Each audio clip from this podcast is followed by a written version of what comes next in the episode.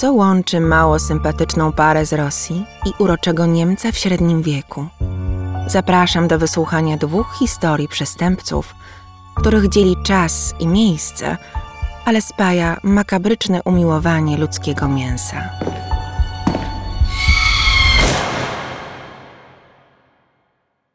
Wpadli naprawdę głupio. Robotnicy drogowi naprawiający nawierzchnię ulicy Riepina, kilkadziesiąt metrów od wojskowego akademika, znaleźli starego Samsunga z pękniętym ekranem. Telefon działał. Jeden z pracowników włączył go i w poszukiwaniu namiarów na właściciela aparatu otworzył też galerię zdjęć. Zobaczył m.in. fotografię mężczyzny pozującego z odciętą kobiecą głową oraz z odciętym przedramieniem, które wkładał sobie do ust i innymi szczątkami, ewidentnie ludzkimi. Nie wyglądało to na fotomontaż. Znalazcy natychmiast zanieśli telefon na policję. Stróże prawa potraktowali zgłoszenie poważnie i wszczęli śledztwo. Szybko namierzono właściciela telefonu. Okazał się nim Dmitrij Bakrzejew, notowany już wcześniej za włamania i kradzieże samochodów. Mieszkał wraz z żoną Natalią w hostelu Krasnodarskiej Wyższej Szkoły Lotnictwa Wojskowego przy ulicy Dzierżyńskiego 135. 12 września 2017 roku policja stanęła pod ich drzwiami. Para była w środku i nie zamierzała wyjść.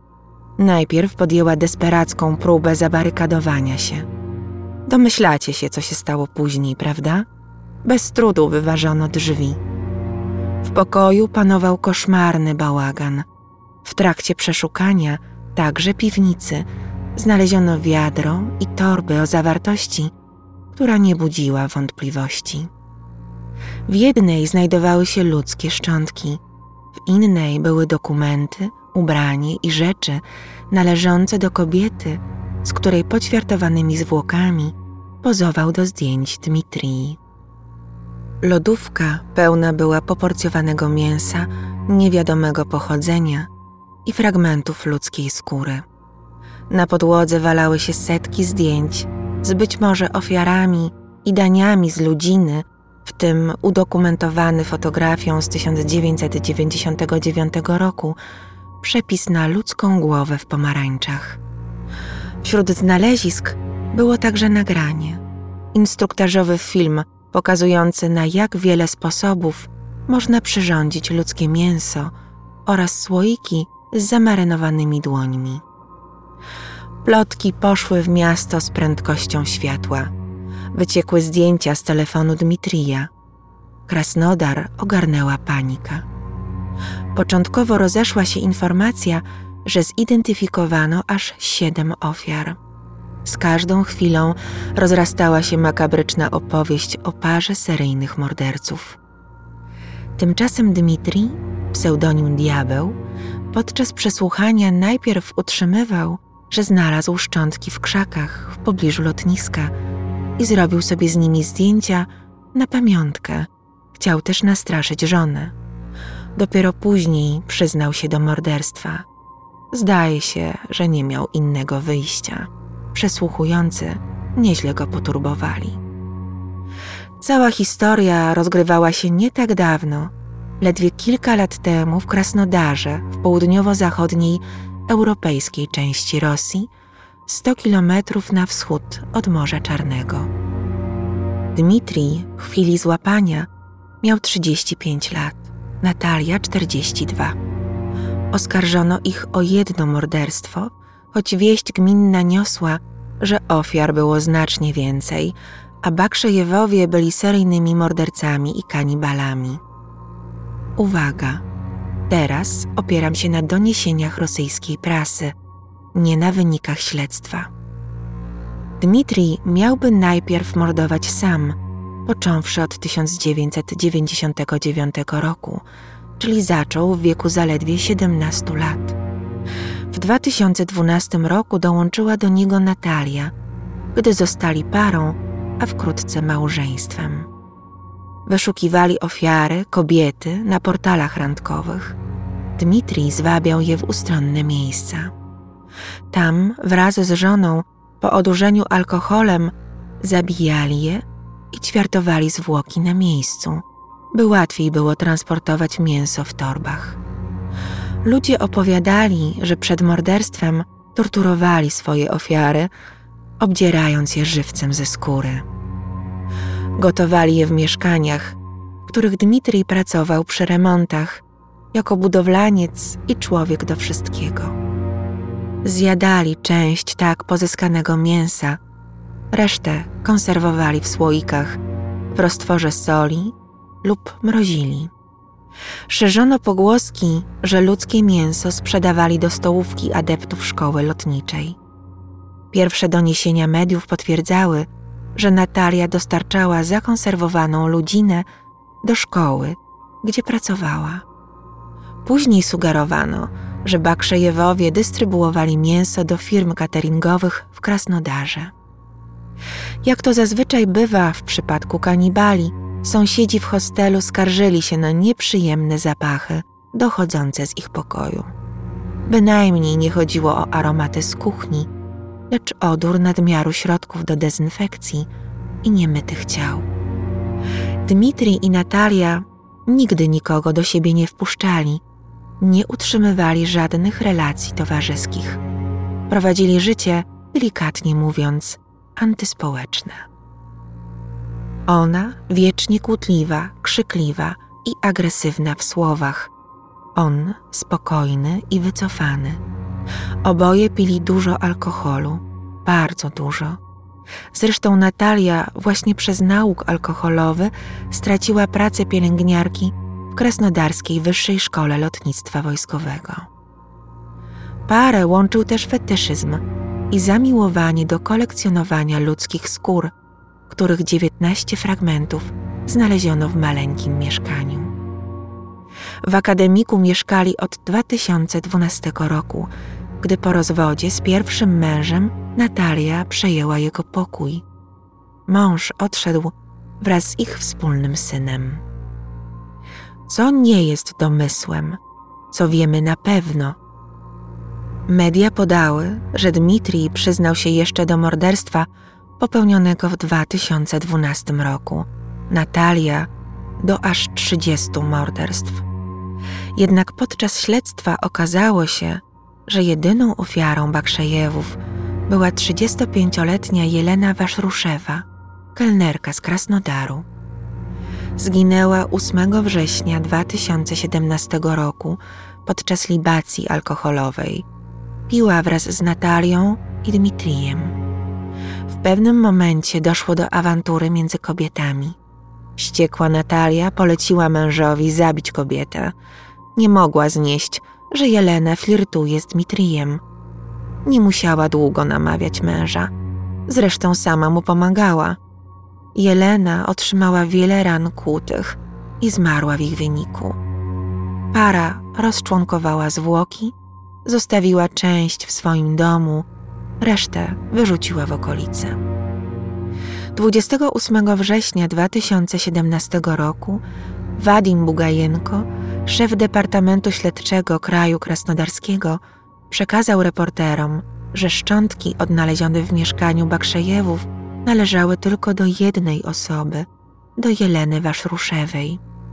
Nie ujawniono żadnych śladów, które wskazywałyby, że szczątki należały do wielu ofiar. Śledczy powielekroć podkreślali, że nie mają takich danych. Natalia została skazana w lutym 2019 roku. Sąd uznał ją winną podżegania do zabójstwa. Skazano ją na 10 lat pobytu w kolonii karnej i półtora roku więzienia. Jej prawnicy złożyli apelację, ale nie doprowadziła do zmiany wyroku. Kilka miesięcy później, 28 czerwca 2019 roku, Dmitrij usłyszał wyrok 12 lat i dwóch miesięcy więzienia o maksymalnym zabezpieczeniu. Skierowano go także na leczenie psychiatryczne i objęto dodatkowym, specjalnym nadzorem. W Rosji obecnie obowiązuje moratorium na wykonywanie kary śmierci. Ostatnią egzekucję przez rozstrzelanie wykonano w 1996 roku. Zapewne Dmitrij zostałby zastrzelony, gdyby nie zawieszenie kary eliminacyjnej. 16 lutego 2020 roku Bakrzejew zmarł w areszcie na nieleczoną cukrzycę typu pierwszego. Czyżby zmiana diety mu nie posłużyła? Przy okazji tej sprawy ponownie zaczęto domagać się w Rosji zniesienia moratorium i przywrócenia kary śmierci. Na razie bezskutecznie. Historia Dmitrija i Natalii Bakrzejewów pozostaje zagadką. Media z lubością będą kontynuować ich krwawą legendę, dlatego dzielcie na dwoje albo i na troje to, co o nich czytacie. Z drugiej strony historia Karla Denkego, którą zaraz wam opowiem, może jednak podsuwać pewien trop. Dlaczego władze i policja nie chciały podzielić się wszystkimi informacjami ze śledztwa? Posłuchajcie. Przenoszę was o wiele lat wstecz, na ziemie, które dawniej należały do Niemiec, dziś to tereny Dolnego Śląska. Karl Denke przyszedł na świat 12 sierpnia 1870 roku w pobliżu wsi Oberkunzendorf, dziś noszącej nazwę Kalinowice Górne. Nie ustalono dokładnie miejsca jego urodzenia. Chłopcu, którego rodzice prowadzili z powodzeniem duże gospodarstwo rolne, nauka nie szła dobrze.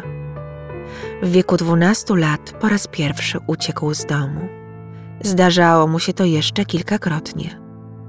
Po ukończeniu szkoły podstawowej zarabiał jako pomocnik ogrodnika. Po śmierci ojca starszy brat przejął ojcowiznę, a 25-letni Karl otrzymał w spadku na tyle dużą kwotę, że starczyło mu na zakup gospodarstwa z ziemią i ogrodem. Zajmował się nim niedługo, bowiem sprzedał ziemię. Kiepski był z niego gospodarz. Za uzyskane pieniądze nabył piętrowy dom z poddaszem w Münsterbergu. Taką nazwę do 1945 roku nosiły Ziembice. Dom stał przy ulicy Teichstrasse 10.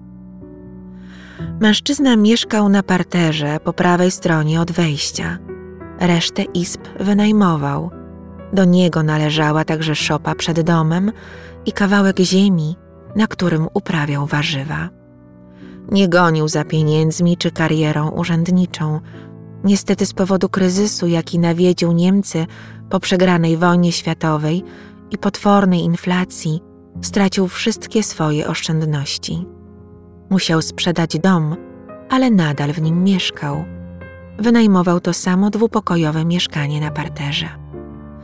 Po lewej stronie od wejścia mieszkał nauczyciel Wojkt, na piętrze zaś rodzina woźnicy Gabriela. Denke podjął się handlu domokrążnego. Uzyskał na to odpowiednią zgodę od policji w Ziębicach. Poradził sobie w niezwykle trudnym czasie, dla nikogo nie będąc ciężarem. Sprzedawał skórzane szelki, paski, sznurowadła i mydło. Wszystko wyrabiał sam. Sprzedawał także plony ze swojego ogródka, zyskując przydomek rabarbarowego króla. Raz w tygodniu jeździł do oddalonego o ponad 60 kilometrów Breslau, czyli do Wrocławia. Na wrocławskim rynku wynajmował stoisko, na którym handlował mięsem. Zawsze starał się o wszelkie pozwolenia na działalność, jakiej się podejmował. Także tym razem wystarał się o zgodę wrocławskiego cechu rzeźników na sprzedaż peklowanej wieprzowiny bez kości, oczywiście własnego wyrobu. Papadenka, jak na niego wołano, był wzorowym i lubianym obywatelem powiatowego miasteczka. Udzielał się w gminie ewangelickiej, na pogrzebach jej członków zawsze nosił krzyż. W niedzielę grywał na kościelnych organach. Nie pił alkoholu, nie zadawał się z kobietami. Żył skromnie i pobożnie. Niczego nie można było zarzucić uprzejmemu uśmiechniętemu mężczyźnie. Garnęły się do niego dzieci. Nikomu nie powiedział złego słowa. Mało tego, idealny Denke był także dobrotliwym i szczodrym człowiekiem. Oferował nocleg bezdomnym, którzy pojawiali się w Münsterbergu od czasu do czasu. Dawał im łóżko, możliwość kąpieli i strawę.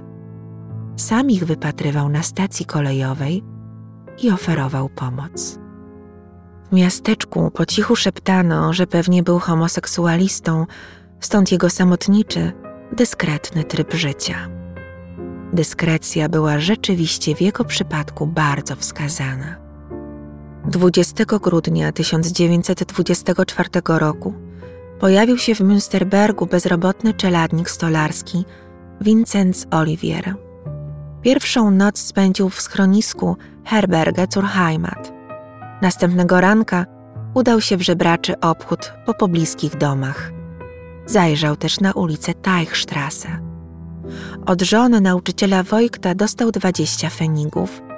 Tyle samo obiecał mu drugi lokator, Karl Denke, za pomoc w napisaniu listu do brata. Adolfie, ty tłusty bebechu.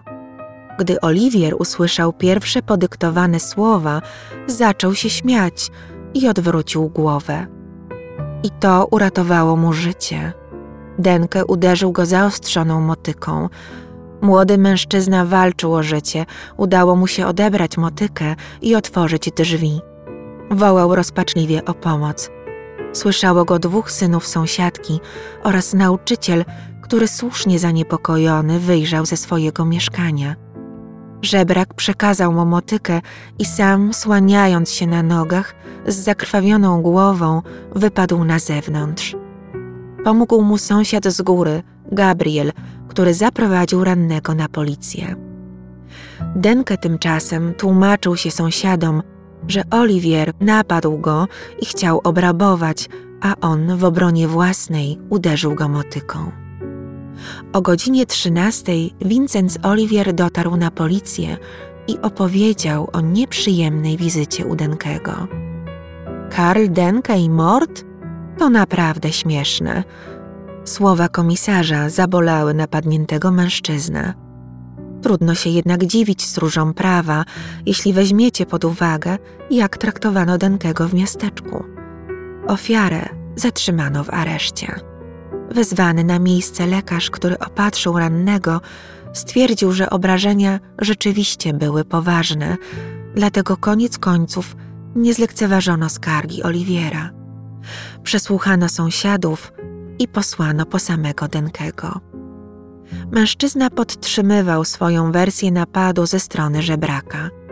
Ponieważ policjanci mieli tylko słowo przeciwko słowu oraz dwie sprzeczne relacje, postanowili zatrzymać obu panów na dzień lub dwa do wyjaśnienia sytuacji. Około godziny 23.30 sierżant Palkę, który pełnił nocny dyżur, zajrzał do celi Denkego. 54-latek powiesił się na gigantycznej chustce do nosa, z którą podobno nigdy się nie rozstawał. Nie żył. 22 grudnia policja przesłuchała raz jeszcze Vincenza Oliviera. Nie był już świadkiem ani ofiarą. Ostatecznie oskarżono go o włóczęgostwo i żebractwo. I wybiegając nieco do przodu, wspomnę, iż skazano go na 10 dni aresztu po krótkim procesie w dniu 15 stycznia 1925 roku. 22 grudnia rodzina Denkego upomniała się o jego zwłoki. Policja przekazała je przedsiębiorcy pogrzebowemu, a na Teichstrasse 10 pojawiła się dopiero dwa dni później, w Wigilię Świąt Bożego Narodzenia. I nie po to, by dokonać rewizji, lecz by zabezpieczyć mienie tragicznie zmarłego Karla. Policjanci otworzyli drzwi. Ogarnął ich nieprzyjemny odór octu. W pierwszej chwili wcale ich to nie zdziwiło. Denke parał się wyrobem przetworów mięsnych w swoim domu.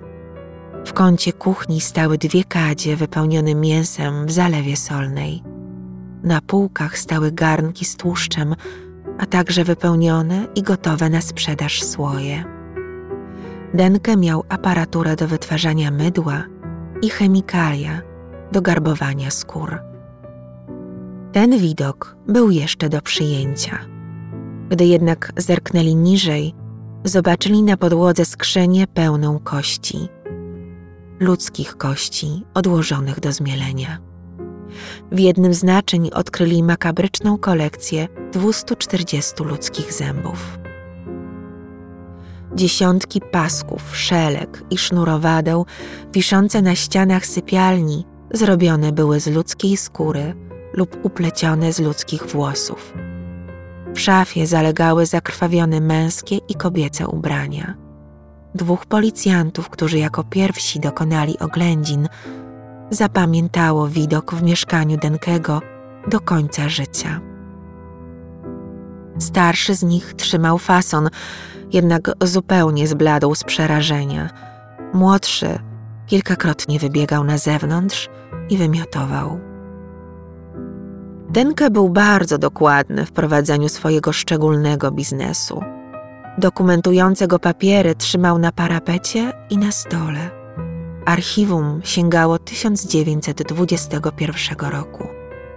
31 ofiar znalazło się na liście kanibala, który drobiazgowo spisywał imiona i nazwiska oraz wagę mięsa, jaką uzyskał z każdego zabitego człowieka.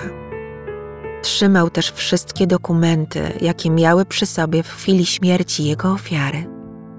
Zebrane wycinki prasowe świadczyły o tym, że Denke zbierał informacje o ludziach zwolnionych z więzień lub dopiero co wypisanych ze szpitali, które nie miały się gdzie podziać.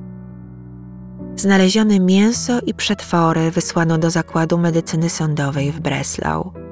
Nie było wątpliwości, że zarówno wyroby garmażeryjne, jak i kaletnicze były wykonane z ludzkiego mięsa i skóry. Specjaliści ustalili tożsamość 20 ofiar. Byli wśród nich robotnicy, stolarze, krawcy, ślusarz, piekarze, ogrodnik, cukiernik, malarz, kowal, tkacz, a nawet rzeźnik. Szacuje się, że Karl Denke mógł pozbawić życia nawet 40 osób, a być może więcej. Były wśród nich również kobiety. 25 grudnia na łamach wydawanego w Ząbkowicach Śląskich dziennika Frankenstein Münsterberger Zeitung ukazała się informacja o samobójstwie obywatela Karla Denkego, który okazał się mordercą i kanibalem.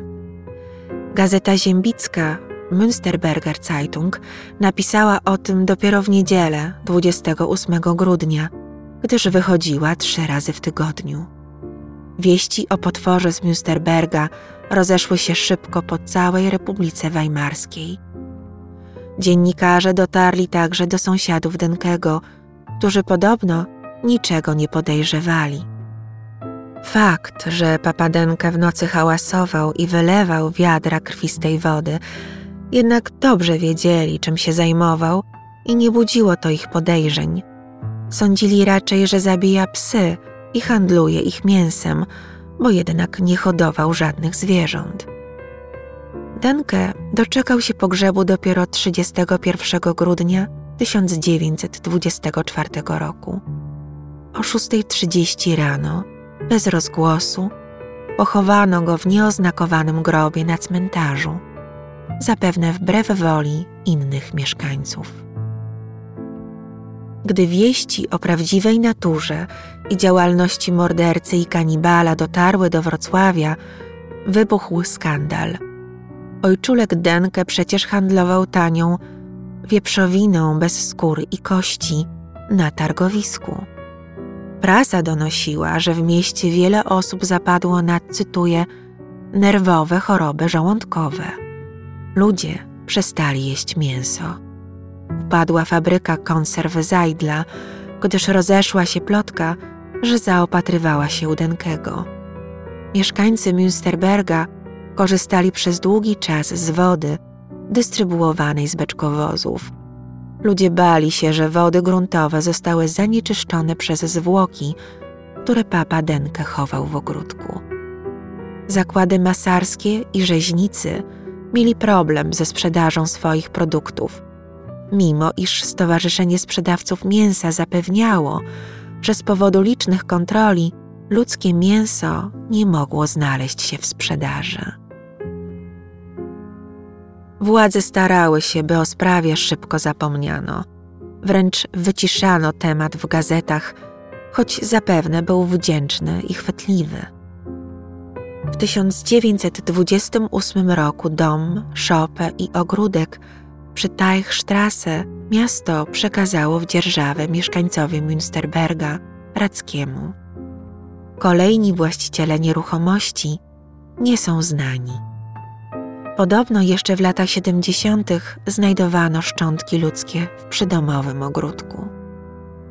Dom Denkego stoi po dziś dzień, obecnie przy ulicy Stawowej 13. Jeśli wejdziecie na Google Street View, dostrzeżecie pod tym adresem dom z tabliczką zakaz fotografowania.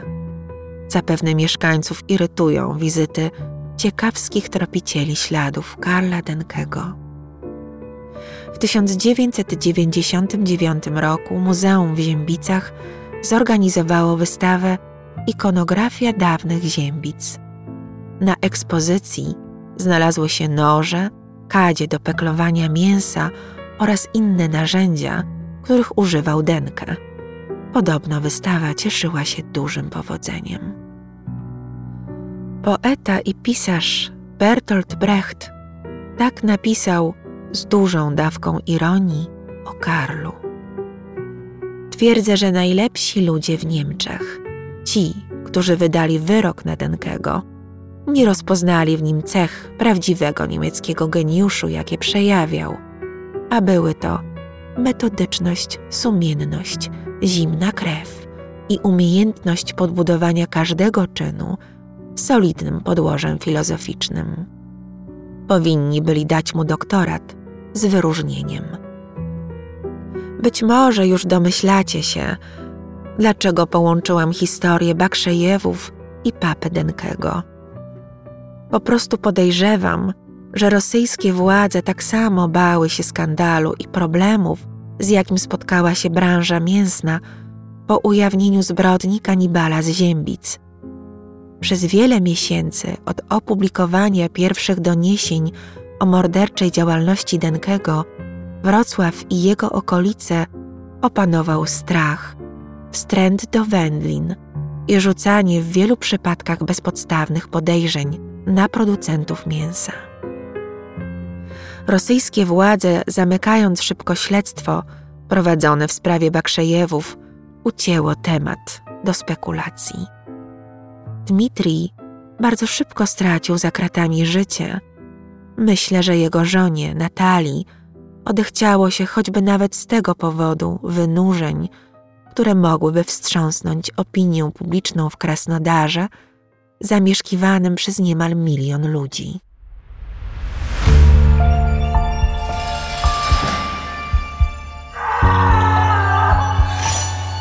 Dziękuję za Waszą uwagę. Obiecuję, że wrócę do niemieckich kanibali i seryjnych morderców, którzy grasowali w Republice Weimarskiej tuż po zakończeniu I wojny światowej. Wrócę również do współczesnej Rosji. Tam kanibalizm ma się całkiem dobrze. Zapraszam po więcej makabry. Renata z worka kości.